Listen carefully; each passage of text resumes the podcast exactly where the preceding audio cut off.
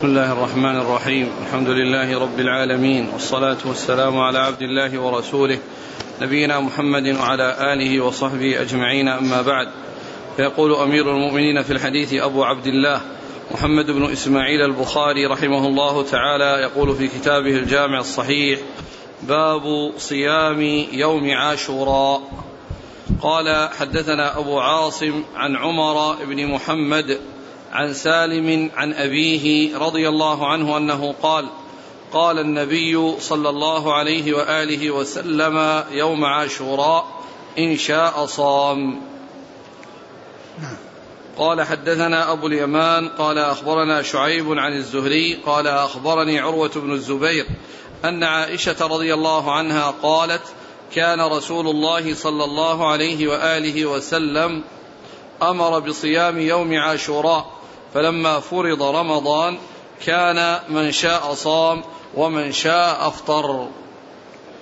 بسم الله الرحمن الرحيم. الحمد لله رب العالمين وصلى الله وسلم وبارك على عبده ورسوله نبينا محمد وعلى آله وأصحابه أجمعين. أما بعد يقول الإمام البخاري رحمه الله باب صيام يوم عاشوراء أي حكمه وما ورد فيه وصيام يوم عاشوراء ويوم عاشوراء هو يوم العاشر من شهر الله المحرم. أطلق عليه هذا الاسم الذي هو عاشوراء وهو اليوم العاشر من شهر المحرم. و ويوم عاشوراء آه، كان الرسول عليه الصلاة والسلام صامه يعني قبل فرض الصيام وجاء عنه ما يدل على الأمر به وأن وأن من وأن وأن من وقد أمر من ينادي أن من أصبح صائما فإنه يعني يستمر على صيامه ومن أكل فإنه يتم بقية يومه يعني يمسك بقية يومه وإن كان قد أكل. وقد سبق أن مر أن العلماء اختلفوا هل كان مفروضا قبل رمضان أو أنه كان مستحبا. وعلى القول بأنه مفروض فإن الأمر انتهى بنسخه على على أنه قد فرض أولا فإنه نسخ وذلك بفرض صيام رمضان. ولم يبقى على المسلمين شيء واجب يتحتم عليهم صومه إلا شهر رمضان ولم ولا يجب عليهم سواه. إلا ما أوجبه الإنسان على نفسه يعني من نذر أو وجب عليه كفارة فإن هذه أمور لازمة ولكنها آه، آه، بسبب بسبب يرجع إلى الإنسان الذي نذر أو عمل عملا يجب عليه فيه كفارة. أما الشيء الذي أوجبه الله وألزم به فليس هناك إلا شهر رمضان. وقد سبق أن مر عن عن بعض الصحابة أنه جاء إلى النبي صلى الله عليه وسلم وقال يعني آه، وسأله ما الذي يجب عليه؟ يعني الصلاة؟ قال الصلاة الخمس وصيام شهر رمضان وصيام شهر رمضان وأنه قال لا أزيد على ذلك ولا أنقص. فقال عليه الصلاة والسلام أفلح إن صدق أفلح إن صدق. فالذي حصل بعد فرض رمضان هو أنه مستحب. وأنه من من من, من أفضل آه، آه، الصيام. وهو أفضل يوم يصام بعد يوم, يوم عرفة. يعني يوم عرفة هو أفضل يوم يصام تطوعا ويليه يوم عاشوراء لأنه جاء عن النبي صلى الله عليه وسلم في فضل عرفة أنه يكفر السنة الماضية والآتية وجاء عن عاشوراء أنه يكفر السنة الماضية. فدل هذا على تفضيل صيامه وأنه أنه يوم مفضل وأنه أفضل يوم يصام بعد صيام بعد بعد يوم عرفة الذي هو آكد أنواع الصيام وأفضل أنواع الصيام. ثم ذكر حديث ابن عمر الذي أنه قال في صوم يوم عاشوراء إن شاء إن شاء إن شاء أفطر أو إن شاء صام. يوم قال صلى الله عليه وسلم يوم عاشوراء إن شاء صام. قال إن شاء صام. وهذا مختصر. المقصود إن شاء صام وإن شاء أفطر. إن شاء صام وإن شاء أفطر. فذكره هنا مختصرا ويعني وحكمه آه، كان على على التخيير وأن ولكنه مستحب. يعني هو ليس بلازم فمن صام فحصل الأجر العظيم ومن لم يصم فإنه لا شيء عليه. ومن لم يصم فإنه لا شيء عليه لأنه ليس بواجب. ولم يترك واجبا إلا إذا كان الإنسان ترك السنة راغبا عنها فهذا يؤاخذ عليه. كقوله صلى الله عليه وسلم من رغب عن سنتي فليس مني. أما أما أن يكون لازما فليس بلازم. من شاء صام ومن شاء لم يصم أي يوم يوم عاشوراء. وكذلك جميع أنواع أنواع الصيام المتطوع فيه ليس بلازم ولكنه يعني بعضه أفضل من بعض. نعم.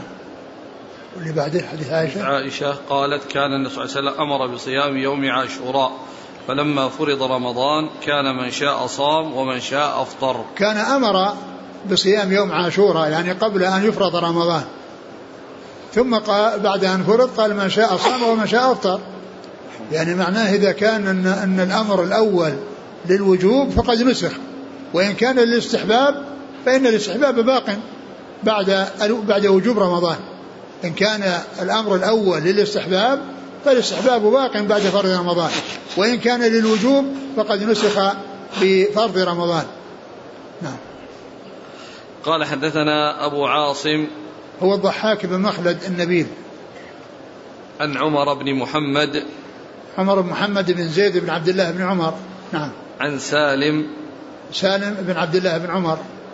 عن أبيه. نعم عن أبيه عبد الله بن عمر رضي الله تعالى عنهما. نعم. قال حدثنا أبو اليمان. الحكم بن نافع. عن شعيب. بن أبي حمزة. عن الزهري. محمد بن مسلم بن عبد الله بن شهاب الزهري. عن عروة بن الزبير. نعم. عن عائشة. نعم.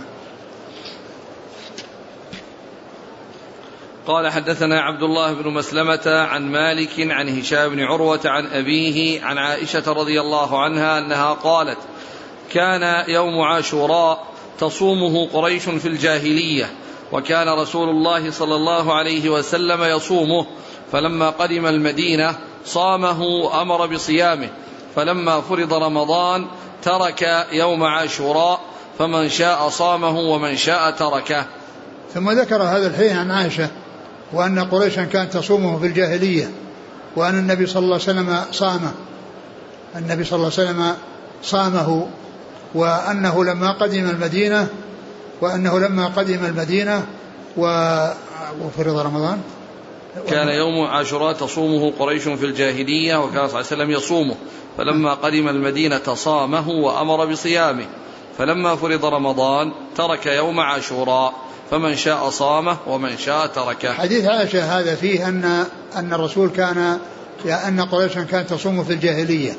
ولعل صيامها له لأنه يعني مأخوذ أو أنه موروث عن يعني عن عن عن, عن نبوة سابقة. قد تكون ملة إبراهيم الذي كان الناس يحجون يعني يحجون البيت.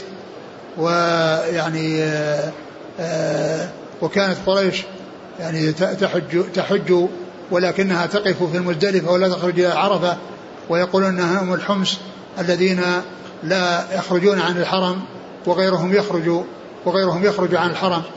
فالرسول عليه الصلاة والسلام يعني أخبر بأن قريشا كانت تصوم وأنه صام عليه الصلاة والسلام.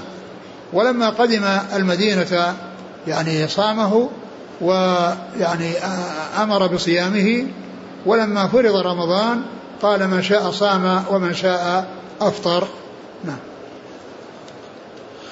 قال حدثنا عبد الله بن مسلمة. التنيسي. القعنبي القعنبي نعم. عن مالك عن هشام بن عروة عن أبيه عن عائشة. نعم.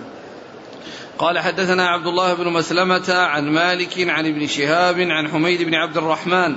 أنه سمع معاوية بن أبي سفيان رضي الله عنهما يوم عاشوراء عام حج عام حج على المنبر يقول يا أهل المدينة أين علماؤكم؟ سمعت رسول الله صلى الله عليه وسلم يقول هذا يوم عاشوراء ولم يكتب عليكم صيامه وأنا صائم فمن شاء فليصم ومن شاء فليفطر. ثم ذكر حديث معاوية بن أبي سفيان رضي الله تعالى عنهما وهو أنه لما حج يعني قدم من الشام حاجا فيعني وكان بعد الحج إما تأخر بمكة وإما تأخر بالمدينة حتى جاء يوم عاشوراء حتى جاء يوم عاشوراء وخطب الناس في هذه المدينة وقال أين علماؤكم؟ أين علماؤكم؟ وكأنه رأى أو أدرك فيهم أن عدم صيام لذلك اليوم. عدم صيام ذلك اليوم فقال أين علماؤكم يعني يبينون لكم ويوضحون لكم السنة التي جاءت عن رسول الله صلى الله عليه وسلم. فقوله هذا يريد به أنه رأى منهم أنه رأى منهم عدم يعني حصول الصيام أو حصول كثرة الصيام يعني الصائمين لذلك اليوم فقال هذه المقالة. قال أين علماؤكم؟ سمعت الرسول صلى الله عليه وسلم يقول هذا يوم عاشوراء ولم يكتب عليكم صيامه وأنا صائم فمن شاء فليصم ومن شاء فليفطر. يقول معاوية سمعت رسول الله صلى الله عليه وسلم يقول آه يقول آه يعني وهو على المنبر يعني هذا يوم عاشوراء هذا عاشو يوم عاشوراء آه ولم يكتب ولم عليكم يكتب عليكم صيامه يعني أنه ليس بفرض وليس بواجب وإني صائم فمن شاء صام ومن شاء أفطر. الرسول عليه الصلاة والسلام أخبر بأنه يصوم هذا اليوم وأن أنه خير يعني أمته بأن تصوم أو لا تصوم.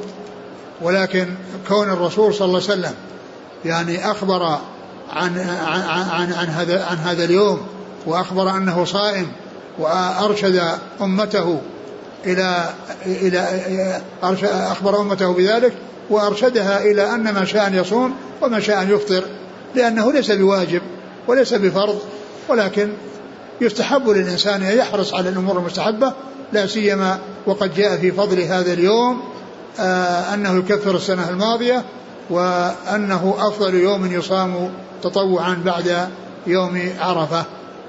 فمعاوية رضي الله عنه خطب الناس عن المنبر ويعني قال أين علماؤكم يعني ينبه إلى أن العلماء عليه من يبين للناس الأحكام الشرعية وأن يرشدوهم إلى السنن يعني حتى يكونوا على علم بها وحتى يأخذوا بما جاء عن رسول الله صلى الله عليه وسلم سواء مما جاء أنه مفروض أو جاء أنه مستحب وهذا مما جاء أنه مستحب وليس بواجب.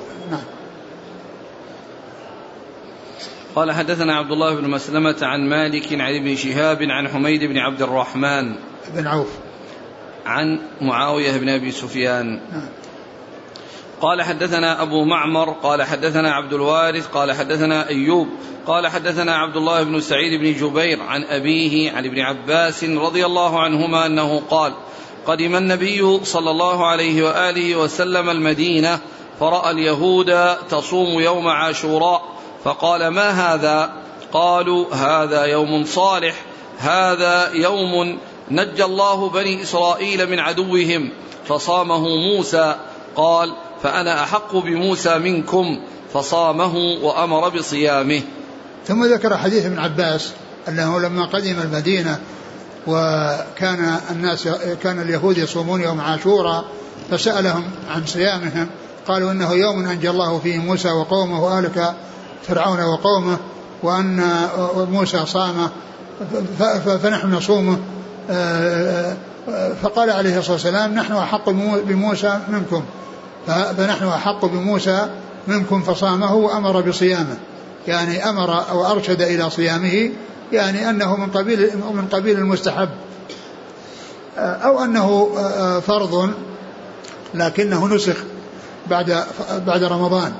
وكان مجيء الرسول عليه الصلاة والسلام يعني إلى المدينة يعني كان في يعني في ربيع الأول ومعنى ذلك أنه من السنة الآتية السنة الثانية والسنة الثانية فرض فيها شهر الصيام فيكون آه الذي حصل أنه يوم أنه سنة واحدة التي حصل فيها ما يتعلق بصيام يوم عاشوراء لأن السنة التي جاء فيها قد ذهب شهر المحرم والسنة الآتية التي هي الثانية يعني هي التي آه، أدرك فيها عاشوراء وفيها في تلك السنة التي هي الثانية السنة الثانية فرض شهر رمضان.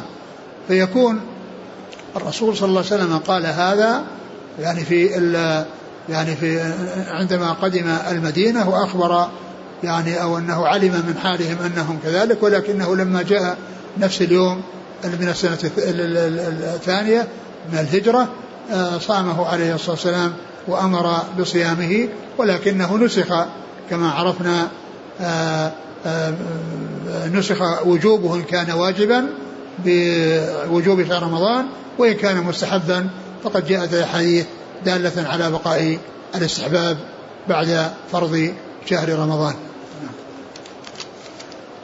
قال حدثنا أبو معمر. عبد الله بن عمرو. عن عبد الوارث بن سعيد العنبري عن أيوب بن أبي تميم السختياني. عن عبد الله بن سعيد بن جبير نعم. عن أبيه نعم. عن ابن عباس. نعم. قال حدثنا علي بن عبد الله. قال حدثنا أبو أسامة عن أبي عميس عن قيس بن مسلم عن طارق بن شهاب عن أبي موسى رضي الله عنه أنه قال كان يوم عاشوراء تعده اليهود عيدا. قال النبي صلى الله عليه وسلم فصوموه أنتم. ثم ذكر هذا الحديث وأن الرسول عليه الصلاة والسلام لما قدم المدينة وكان يعني اليهود يعدونه يوم عيد فقال صوموه أنتم صوموه أنتم. يعني أنكم تخالفون اليهود يعني في الشيء الذي يعني هم آه، عليه. فكان يوم عيد. قال فصوموه أنتم. وقد سبق أن مر أنهم كانوا يصومون. فيكون المراد بكونه عيدا يعني أنه من من الأعياد التي آه، يعني التي هي مثل ما عند المسلمين يوم عرفة أنه يوم عيد. جاء في بعض الأحاديث أنه يوم عيد وأن هذه يعني عرفة ويوم النحر أنها عيد أهل الإسلام. ومعلوم أن يوم عرفة يعني وإن كان عيدا من ناحية الفضل ومن ناحية الثواب الجزيل لمن عمل فيه صالحا إلا أنه ليس عيدا يحرم صيامه بل هو يستحب صيامه. فيكون الجمع بين يعني ذاك وما تقدم أن له شأن وأن له فضيلة وأنه يوم معظم عندهم. فالرسول صلى الله عليه وسلم أمر بصيامه. فيكون على هذا لا تنافي بين كونه عيد يعني وبين ما جاء أنهم كانوا يصومونه يعني بمعنى أنه مثل يوم عرفة كما أنه عيد لأهل الإسلام ومع ذلك يصام ولا ولا يعني يحرم صومه كالعيدين الذين هم عيد الأضحى وعيد الفطر. نعم. قال حدثنا علي بن عبد الله ابن مديني. عن أبي أسامة حماد بن أسامة. عن أبي عميس هو عتبة بن عبد الله المسعودي. نعم. عن قيس بن مسلم. نعم. عن طارق بن شهاب. نعم. عن أبي موسى. نعم. قال حدثنا عبيد الله بن موسى عن ابن عيينة عن عبيد الله بن أبي يزيد عن ابن عباس رضي الله عنهما أنه قال ما رأيت النبي صلى الله عليه وآله وسلم يتحرى صيام يوم فضله على غيره إلا هذا اليوم يوم عاشوراء وهذا الشهر يعني شهر رمضان. ثم ذكر هذا الحديث الذي فيه يعني بيان فضل يوم عاشوراء وأنه كان يعني يفضله على غيره وأنه كان يعني ما رآه يعني يصوم مثل هذا اليوم وشهر رمضان. وقد سبق أن مر أن صوم يوم عرفة أفضل يوم يصام تطوعا وأنه يكفر السنة الماضية والآتية ف فيكون يعني آآ آآ أبو سعيد الصحابي. حديث حديث ابن عباس. ابن عباس. فكان ابن عباس يخبر عن الشيء الذي علمه ورآه من رسول الله صلى الله عليه وسلم. فلا ينفي أن يكون غيره علم يعني أفضل منه وعلم يعني غير الذي كان يعلمه.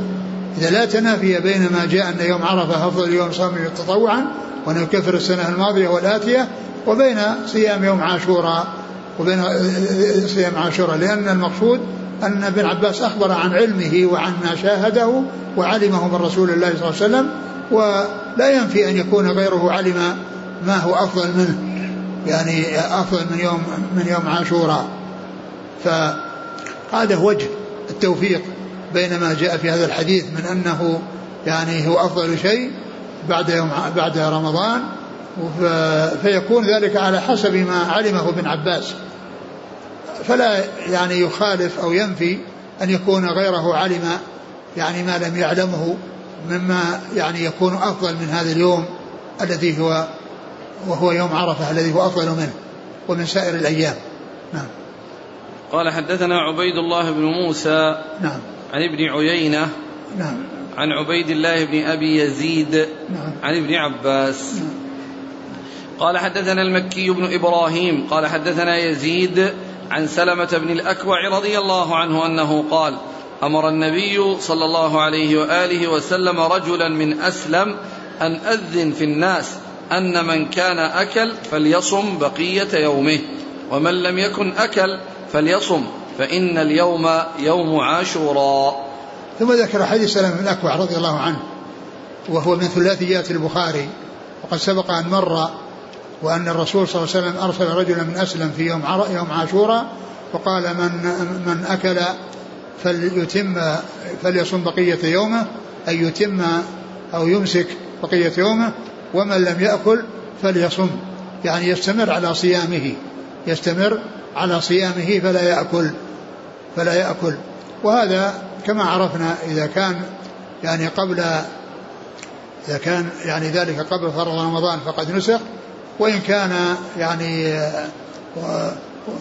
فقد نسخ إذا كان هذا الأمر قبل رمضان وإن كان أمره وإن كان مستحبا قبل رمضان فإن وبعد فرضه باق على الاستحباب. قال حدثنا المكي بن إبراهيم نعم. عن يزيد يزيد بن أبي عبيد. عن سلمة بن الأكوع. نعم وهذا هذا ثلاثي بين البخاري وبين رسول الله صلى الله عليه وسلم فيه ثلاثة أشخاص صحابي وتابعي وتابع تابعي. يعني أن البخاري روى, روى عن أتباع التابعين أو عن بعض أتباع التابعين ومنهم مكي بن إبراهيم ومنهم مكي بن إبراهيم. نعم. يقول حفظك الله هل يوم عاشوراء هو يوم الزينة الذي ذكر في القرآن؟ لا أدري. إذا أصبحت مفطرا وأكلت شيئا ثم علمت بأن هذا اليوم هو يوم عاشوراء. فهل لي أن أمسك ويصبح صومي صحيح؟ لا لا تمسك. لأن لأن لأنه بعد يعني بعد آه، فرض رمضان فإنه أصبح مستحبا. فإنه أصبح مستحبا. يعني فما دام أنه أكل فإنه ولكن إذا لم يأكل يمكن. كما كما سبق أن مر في بعض الأحاديث أنه كان يأتي ويقول هل عندكم شيء؟ فيقول لا قال إني صائم. أما يعني مثل هذا يعني كونه أكل فلا يمسك. كيف كان الصوم في الجاهلية؟ قال كانت قريش تصومه. ما نعلم. يعني هذا جاء جاء عن رسول الله صلى الله عليه وسلم فيما يتعلق بالجاهلية وأنهم يصومون يوم عاشوراء ولا ندري عن شيء آخر وراء ذلك. لا ندري. من نجاه الله من مكروه في يوم ما. هل يشرع له صيام ذلك اليوم شكرا لله كما فعل موسى عليه الصلاة والسلام؟ آه، آه، كون الإنسان آه، لأن هذا اليوم يعني الذي نجى الله فيه موسى موسى صامه شكرا لله عز وجل وقال الرسول نحن أحق بموسى منكم يعني آآ آآ يعني المناسب أنه يتصدق. وأنه يحسن إلى الناس والإحسان إلى الناس بالصدقات أو الفقراء والمساكين أولى من الصيام لأن لأن شكر الله عز وجل على النعمة بالبذل والإعطاء والإحسان إلى الفقراء أولى من الصيام لأن لأن الصدقة متعدية والنافلة والصوم مقصور أو قاصر على صاحبه. أنا ما أعرف يعني أن هل يستحب له ذلك لكن كون الإنسان يحسن بالصدقة ويعطف على الفقراء والمساكين ويشكر الله على هذه النعمة بأن يعني يدفع شيئا من المال يبدو أن هذا هو الأولى. قال رحمه الله تعالى باب فضل من قام رمضان. قال حدثنا يحيى بن بكير قال حدثنا الليث عن عقيل عن ابن شهاب قال أخبرني أبو سلمة أن أبا هريرة رضي الله عنه قال سمعت رسول الله صلى الله عليه وسلم يقول لرمضان من قامه إيمانا واحتسابا غفر له ما تقدم من ذنبه. ثم قال باب فضل صيام فضل قيام رمضان. فضل قيام رمضان يعني ما ورد فيه من الفضل يعني بقيامه والصلاة فيه يعني في الليل. و أورد فيه أحاديث منها حديث أبي هريرة قال من قام رمضان إيمانا واحتسابا غفر له ما تقدم من ذنبه. من قام رمضان إيمانا واحتسابا إيمانا تصديقا بوعد الله وأن الله وعد من آه، يعني يصومه الأجر والثواب واحتسابا يعني أنه صامه احتسابا يعني يرجو ثواب الله يعني ليس صامه من أجل الرياء أو من أجل السمعة أو من أجل الناس يعني يثنون عليه ويمدحونه إنما صامه لله عز وجل. يرجو ثواب الله يحتسب الأجر عند الله عز وجل. إيمانا تصديقا بأن الله تعالى وعد يعني بالثواب الجزيل لمن فعل هذا الفعل. واحتسابا يعني يتعلق بفعل الإنسان وأنه إنما فعله يحتسب الأجر ويرجو الأجر والثواب من الله. لا يكون لغير ذلك من الأمور التي فيها شهرة وفيها يعني سمعة وفيها يعني رياء أو طلب المدح والثناء. نعم. غفر له ما تقدم من ذنبه يعني المقصود من ذلك غفران الصغائر.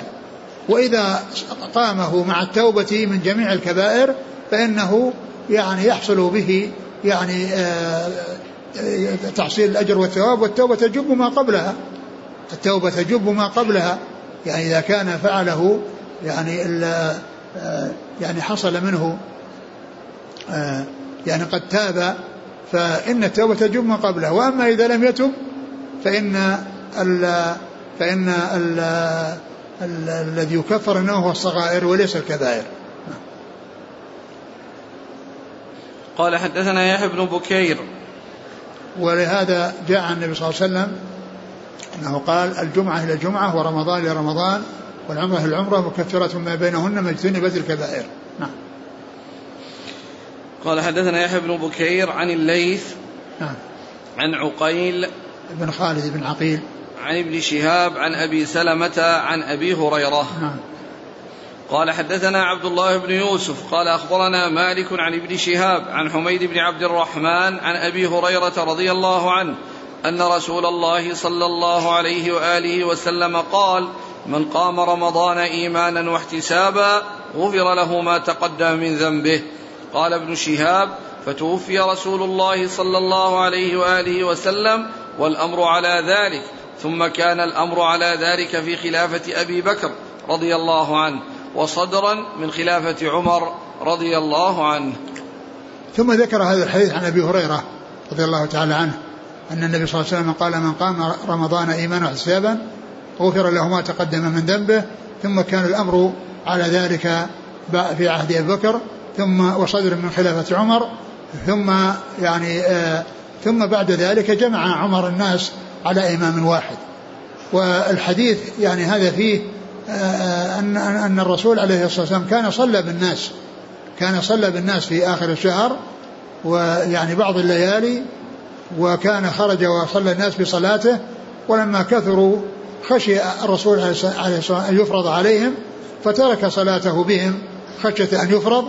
ولما توفي وبقي الأمر على ذلك أنه لم يفرض وأن أن كلا يصلي يعني لنفسه يعني في الليل. وبقي الأمر على ذلك في في آخر حياة الرسول صلى الله عليه وسلم وفي خلافة أبي بكر وصدرا من خلافة عمر ثم إن عمر جمع الناس على إمام واحد. جمع الناس على إمام واحد لأنه قد ذهب ما يخشى من الفرض لأن الفرض إنما يكون في في زمن الوحي في حياة الرسول صلى الله عليه وسلم. ولما توفي رسول الله صلى الله عليه وسلم وهو لم يفرض وفعله دل على استحبابه. فعله دل على استحبابه. يكون فعل صلى بالناس ولكنه ترك خشية نفرض هذا يدل على استحبابه. فبقي يعني بعد ذلك آه يعني آه على ما كان عليه في في عهده وعهد ابي بكر وصدر خلافه ثم عمر جمع الناس على إمام واحد لأنه زال ما ما كان يخشى من الفرض. زال ما كان يخشى من الفرض. نعم. قال حدثنا عبد الله بن يوسف عن مالك عن ابن شهاب عن حميد بن عبد الرحمن عن أبي هريرة. قال وعن ابن شهاب عن عروة بن الزبير عن عبد الرحمن بن عبد القاري أنه قال خرجت مع عمر بن الخطاب رضي الله عنه ليلة في رمضان إلى المسجد فإذا الناس أوزاع متفرقون. يصلي الرجل لنفسه ويصلي الرجل فيصلي بصلاته الرهط. فقال عمر فقال عمر إني أرى لو جمعت هؤلاء على قارئ واحد لكان أمثل.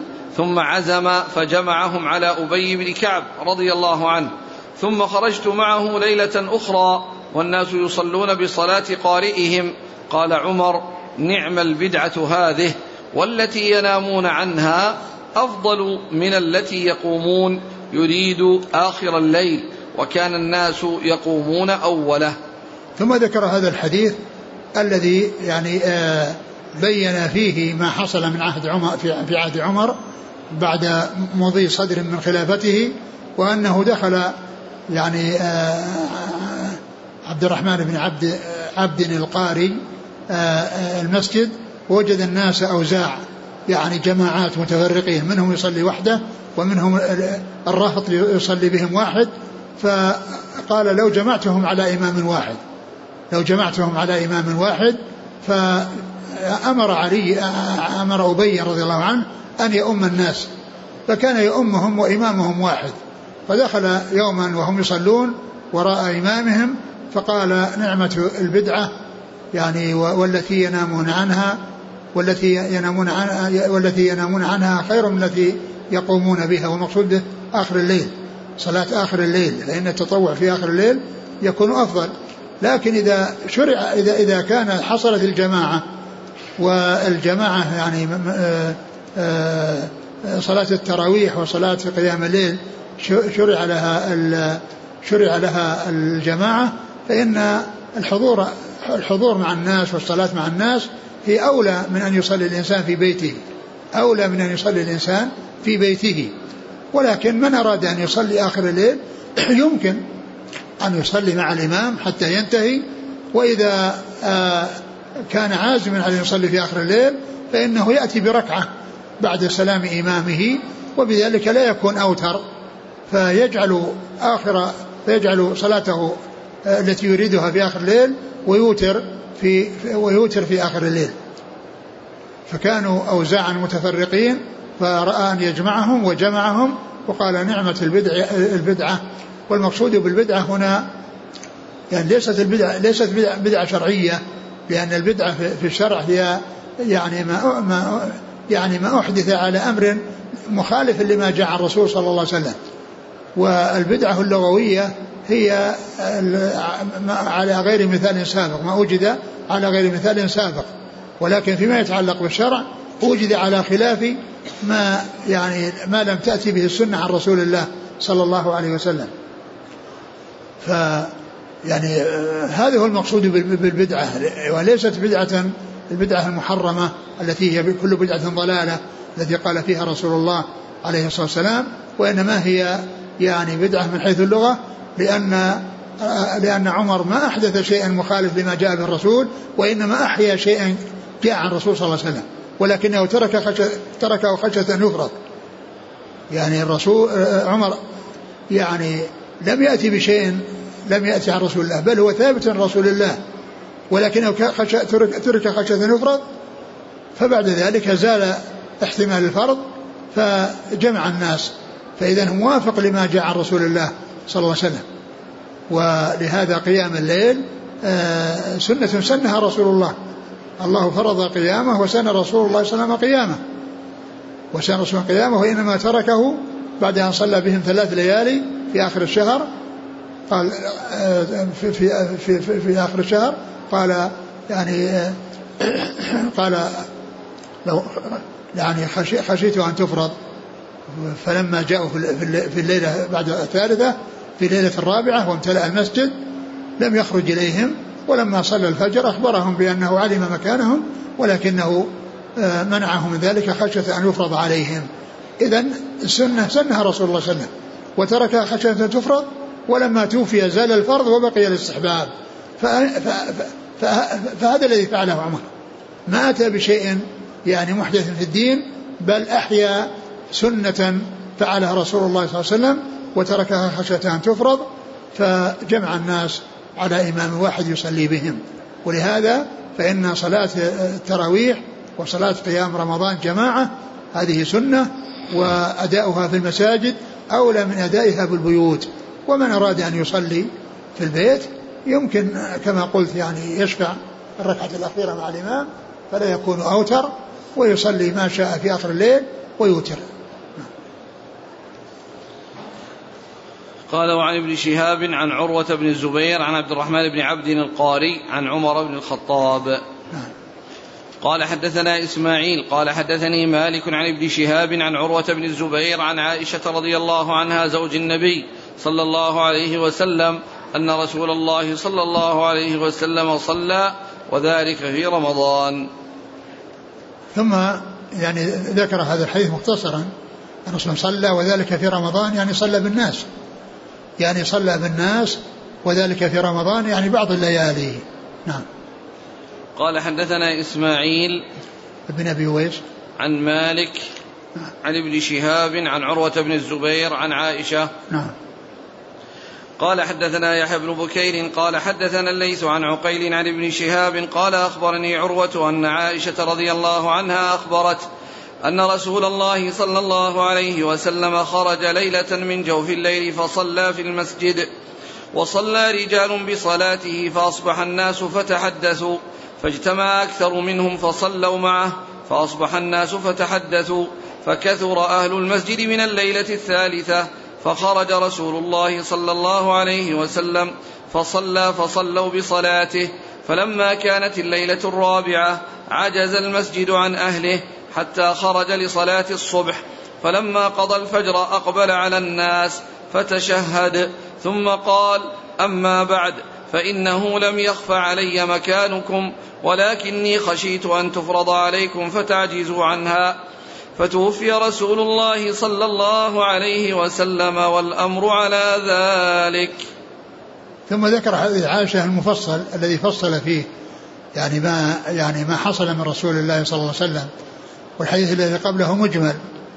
يعني ذكره يعني بالطريق التي قبل هذا مجملة ثم ذكره مفصلة بهذا الطريق وهو أن الرسول عليه الصلاة والسلام خرج من حجرته وصلى في المسجد فصلى وراءه رجال. ثم إنهم آه، أخبر بعضهم بعضا وجاء عدد يعني أكثر من العدد الأول فصلى وصلوا بصلاته.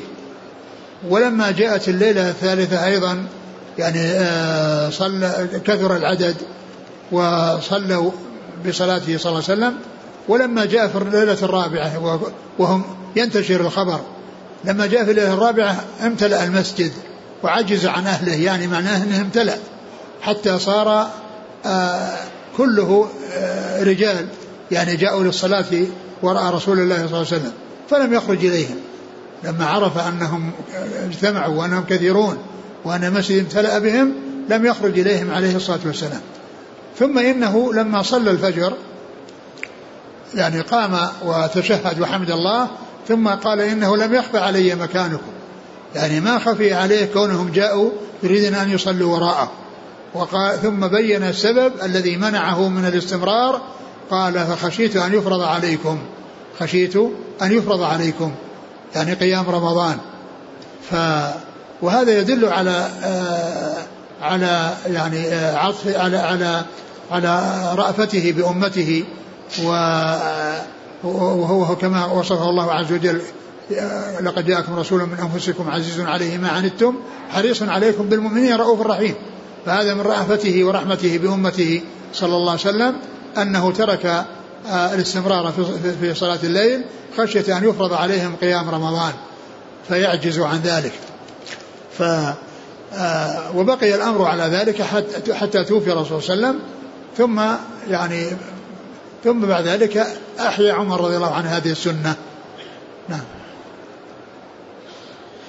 قال حدثنا إسماعيل قال حدثني مالك عن سعيد المقبري عن أبي سلمة بن عبد الرحمن أنه سأل عائشة رضي الله عنها كيف كانت صلاة رسول الله صلى الله عليه وسلم في رمضان فقالت ما كان يزيد في رمضان ولا في غيرها على إحدى عشرة ركعة يصلي أربعا فلا تسأل عن حسنهن وطولهن ثم يصلي أربعا فلا تسأل عن حسنهن وطولهن ثم يصلي ثلاثا فقلت يا رسول الله أتنام قبل أن توتر؟ قال يا عائشة إن عيني تنامان ولا ينام قلبي. ثم ذكر هذا الحديث أن الرسول أن أن أن عائشة رضي الله عنها عن عن عائشة نعم. رضي الله عنها أنها سئلت أنها سئلت عن صلاة رسول الله صلى الله عليه وسلم في رمضان فقالت ما كان يزيد في رمضان ولا في غيره على إحدى عشرة ركعة. ما كان يزيد في رمضان ولا في غيره على إحدى عشرة ركعة. يصلي أربعا فلا تسأل عن حسنهن وطولهن ولا تسأل ثم يصلي أربعا لا يسأل عن حسنهن وطولهن ثم يصلي ثلاثا ثم يصلي ثلاثا. وقوله يصلي أربعا لا يسأل حسنهن وطولهن يحتمل أن تكون متصلة وأن تكون منفصلة. يعني ركعتين ركعتين ولكن ال ال ال ال ال هذه الأربع التي هي ركعتين ركعتين يعني تكون متميزة عن التي وراءها متميزة عن التي وراءها يعني في الطول. ثم يصلي أربعا لا تسأل عن حسنه وطولهن يحتمل الوصل ويحتمل الفصل. يحتمل الوصل ويحتمل الفصل لأن لأن الفصل جاء عن رسول الله صلى الله عليه وسلم والوصل جاء عن رسول الله في هذا الحديث. ولكن الفصل هو الذي جاء من قوله كما جاء من فعله وجاء أيضا من قوله من فعله لأن صلاة ابن عباس مع مع الرسول صلى الله عليه وسلم في في حجرة ميمونة كان يصلي ركعتين ركعتين كان يصلي ركعتين ركعتين. وكذلك الحديث قال صلاة الليل مثنى مثنى فإذا خشي أحدكم الصبح أتى بركعة توتر ما مضى. فهذا يدل على أن الاتيان ركعتين ركعتين هذا هو الذي ثبت من قوله ومن فعله عليه الصلاة والسلام. ثبت من فعله ومن قوله وفعله. وأما بالنسبة للوصل ما جاء من قوله يعني آه، فيما يتعلق ب وإنما جاء هذا الحديث الذي يحتمل الوصل ويحتمل الفصل. يحتمل الوصل وأن الأربع ثنتين ثنتين لكنها لها وضع يختلف عن عن عن عن, عن الأربعة التي بعدها. ف ف ففي هذا الحديث بيان العدد وأنه ما كان يزيد في رمضان ولا غيره على 11 على 11 ركعة. لكنه جاء ما يدل على أنه صلى 13 وذلك في حديث ابن عباس عندما صلى مع عند في بيت خالة ميمونة فإنه صلى ثنتين ثنتين ثنتين ست مرات ثم أتى بركعة فصار ثلاثة عشر. وأكثر ما جاء عن رسول الله صلى الله عليه وسلم وثبت من فعله ثلاثة عشر. وأقل ما جاء عنه سبع. ولكن أغلب ما يكون هو إحدى عشر ركعة. أغلب ما يكون هو إحدى عشرة ركعة كما جاء في حديث عائشة رضي الله عنها. أعد الحديث. عن أبي سلمة بن عبد الرحمن أنه سأل عائشة رضي الله عنها كيف كانت صلاة رسول الله صلى الله عليه وسلم في رمضان. فقالت ما كان يزيد في رمضان ولا في غيرها على إحدى عشرة ركعة. يصلي اربعا فلا تسأل عن حسنهن وطولهن.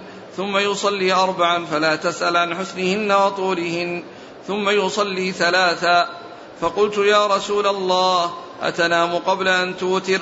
قال يا عائشة إن عيني تنامان ولا ينام قلبي. والرسول عليه الصلاة والسلام يعني متميز عن الناس فإنه إذا نام تنام عيناه ولا ينام قلبه فلا ينتقض وضوءه. يعني بخلاف غيره فإنه إذا نام يعني جاء ما يدل على أنه يتوضأ وأنه آه، يعني كما جاء في الحديث العين وكائسة فإذا فإذا آه، فإذا نمت العينان استطرق الوكاء إذا نامت العينان استطرق الوكاء أما رسول الله صلى الله عليه وسلم فله هذه الميزة أنه عيناه عيناه تنام ولكن لا لا ينام قلبه يعني فلا ينتقض وضوءه صلى الله عليه وسلم. قال حدثنا إسماعيل عن مالك عن سعيد المقبوري. نعم. عن أبي سلمة بن عبد الرحمن عن عائشة. نعم. انتهى الباب. نعم.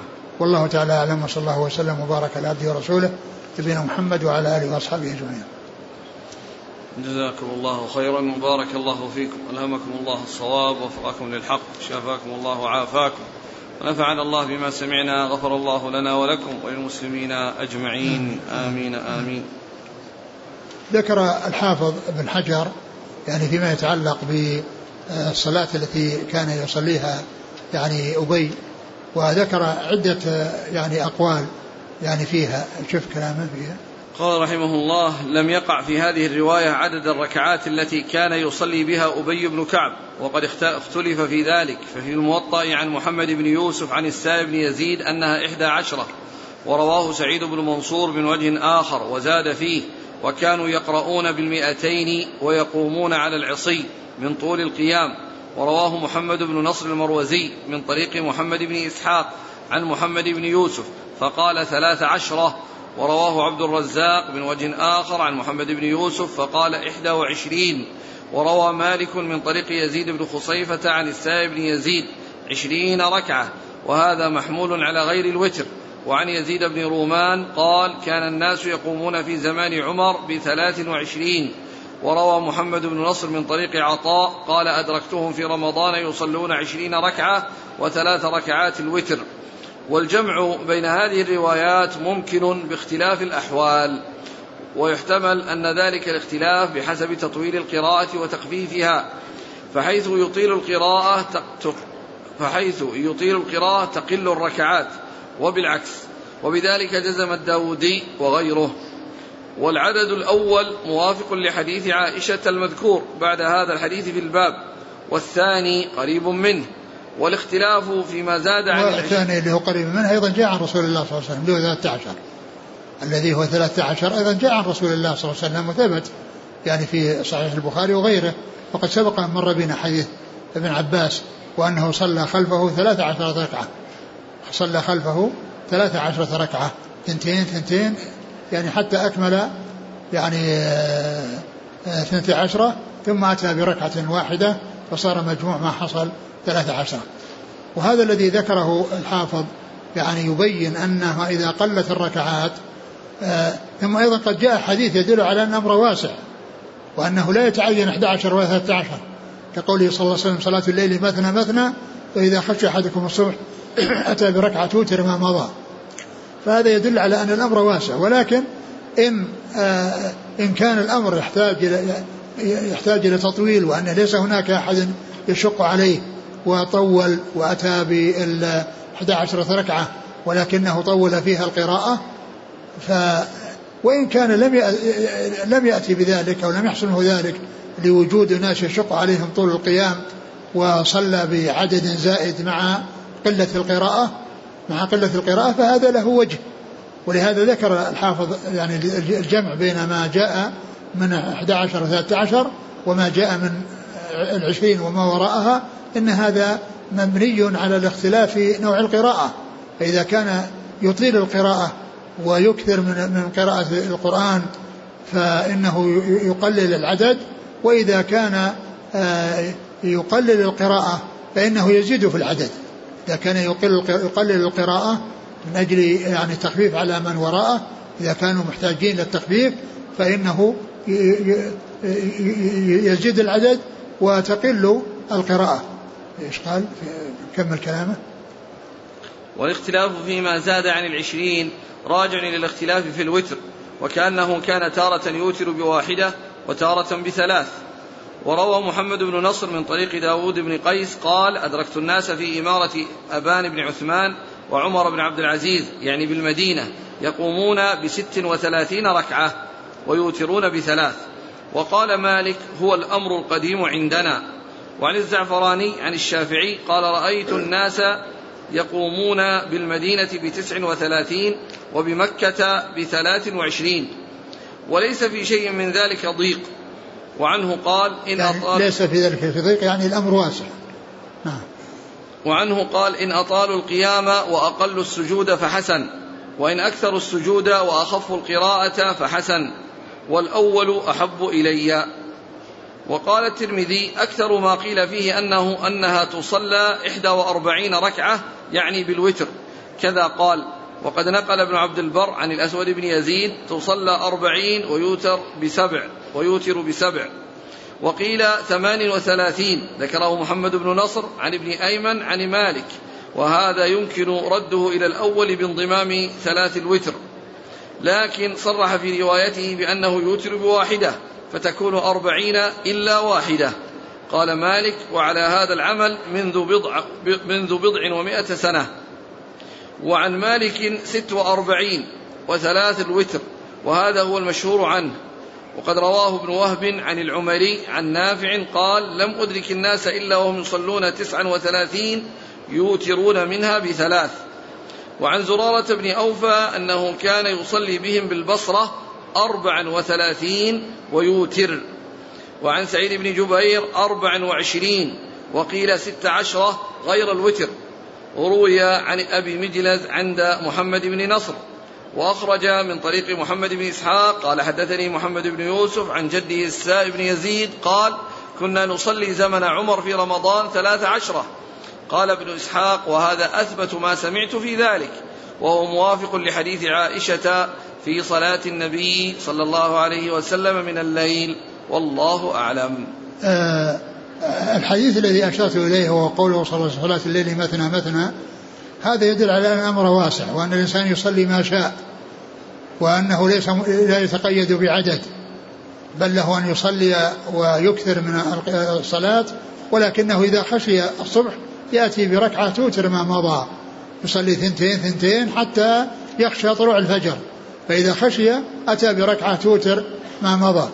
وعلى هذا فالأمر يعني آه، مثل ما قال الحافظ إذا كان آه، أنه سيطيل القراءة يقلل العدد وإذا كان سيخفف القراءة يكثر العدد.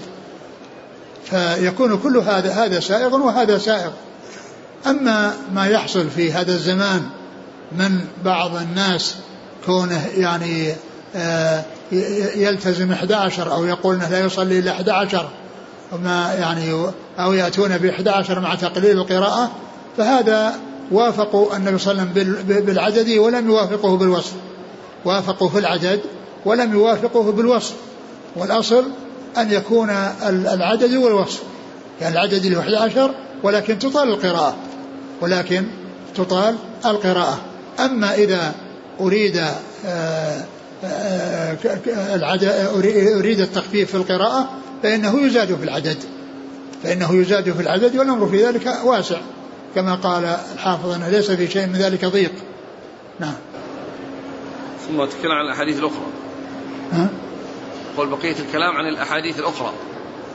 كلام الحافظ انتهى إلى هنا. أي نعم. يقول هل حج النبي صلى الله عليه وسلم قبل الهجرة؟ أي نعم حج. حج جاء فيه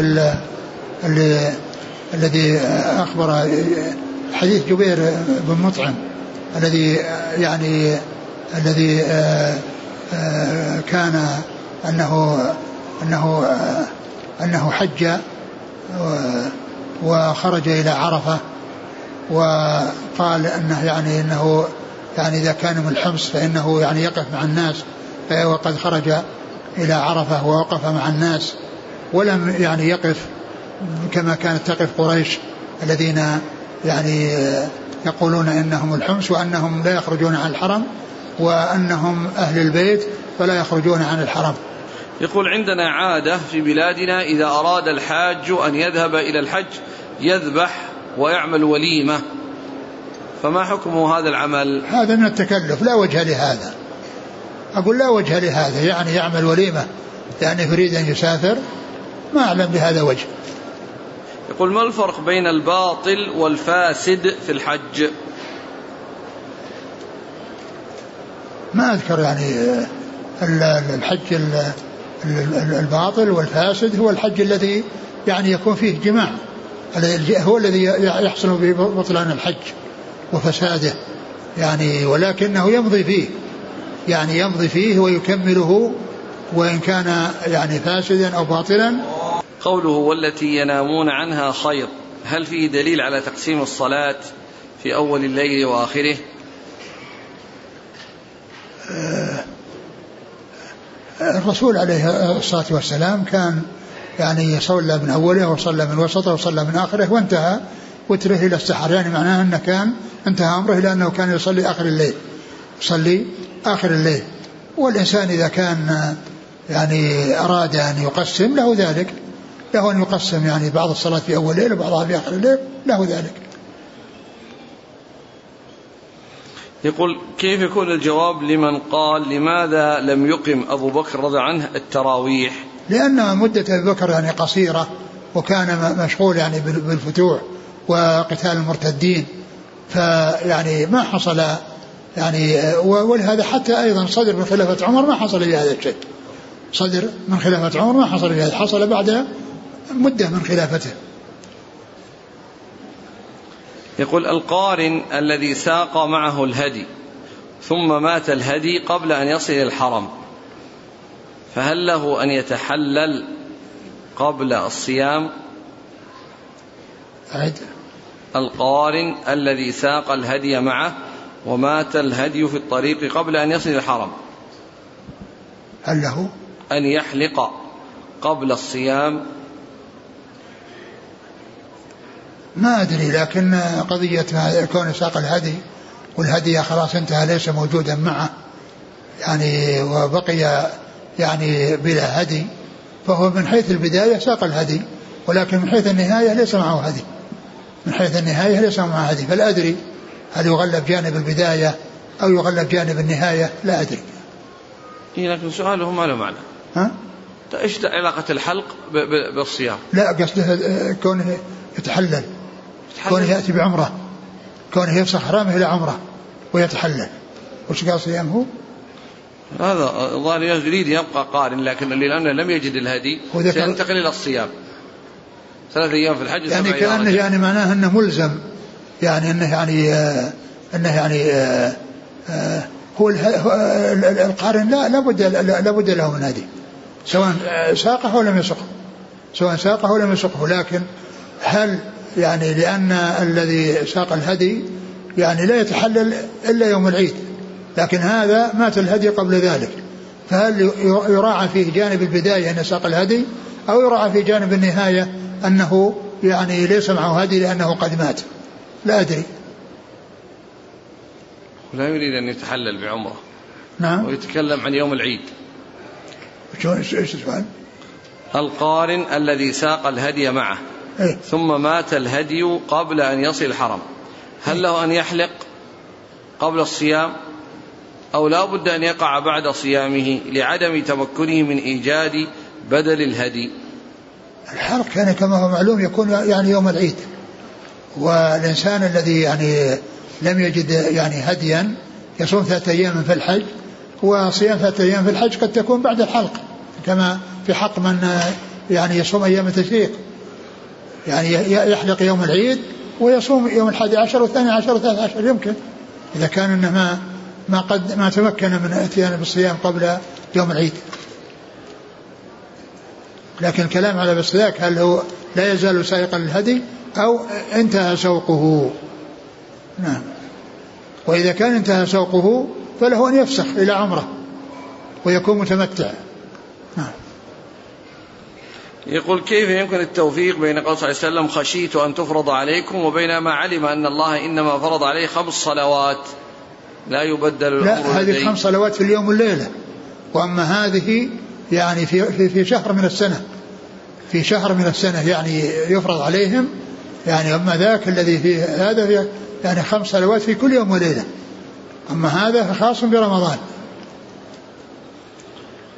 يقول أريد أن أحج حج بدل عن شخص وغرضي منه كسب المال لأنني مديون وبحاجة إلى المال فهل هذا الفعل جائز؟ والله يعني إذا كان الإنسان بحاجة ويعني يريد أن يحج يعني وأن يصل إلى مكة يعني إذا كان يحب الوصول إلى مكة وهو مدين ويحصل ويحب أن يحصل شيئا وهو لا يستطيع أن يصل إلى مكة إلا بمال غيره فهذا من جنس الذي آه الذي يأخذ ليحج والأخذ للحج هذا ممدوح وإنما المذموم أنه يحج ليأخذ. يعني الذي يحج ليأخذ الذي يسوقه إلى ذلك مجرد الأخذ فهذا إذا كان يرغب الحج وأن حريصا على الحج ولكنه لا يستطيع أن يصل إليه إلا بمال غيره وأخذ شيئا من المال ليحج وليشارك الناس في هذا الموسم العظيم وكذلك أيضا في نفس الوقت يعني يقضي شيئا من دينه بسبب هذا المال لا بأس بذلك.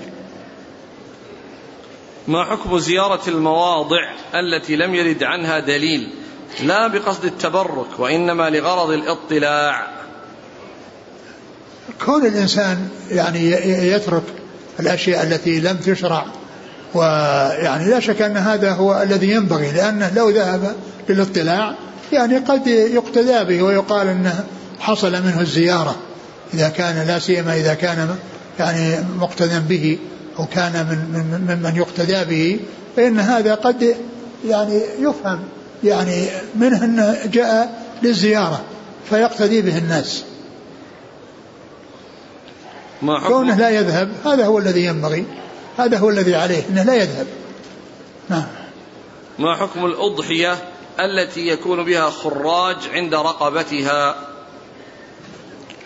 والله إذا كان هذا يعني يعني يؤثر على صحتها أو أنه يؤثر على يعني هذا ف فالإنسان لا يشتريها لا يشتري ما, ما, ما تكون كذلك التي فيها خراج قد يكون يؤثر عليها. وأما إذا كان أنه اشتراها أو أنه حصل لها خراج وهي عنده فيعني الذي يبدو أنه ما في بأس أن يذبحها.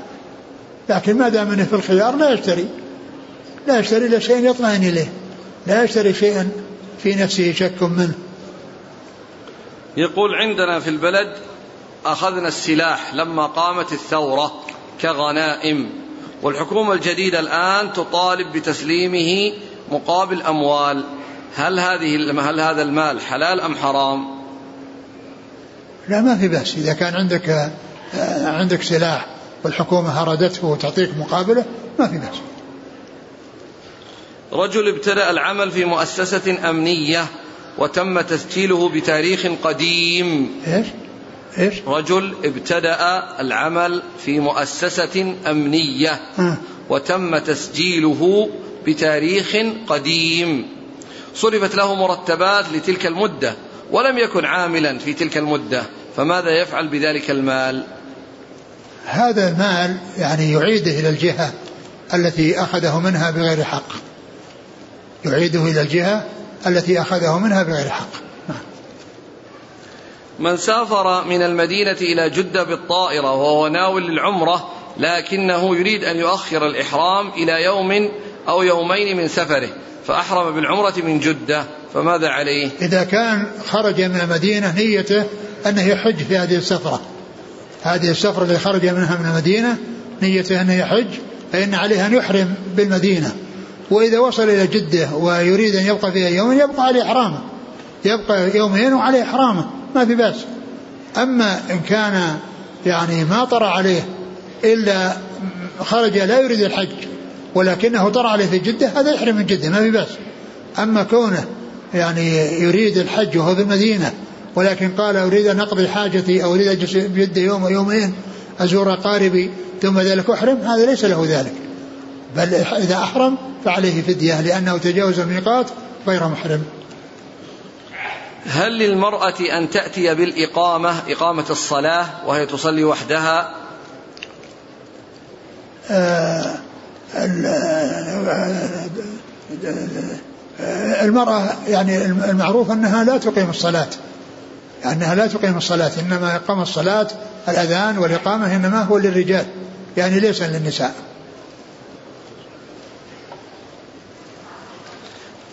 يقول هل يجوز أن أنيب في الحج عن والدي, عن والدي المتوفين؟ فأنا جئت لأول مرة للحج وأعطي أريد أن أنيب عنهما من يقوم بالحج عنهما؟ ما ما في بأس. لكن كل واحد له حجة. ما تنب واحد يحج عن, عن أبوك وأمك مع بعض؟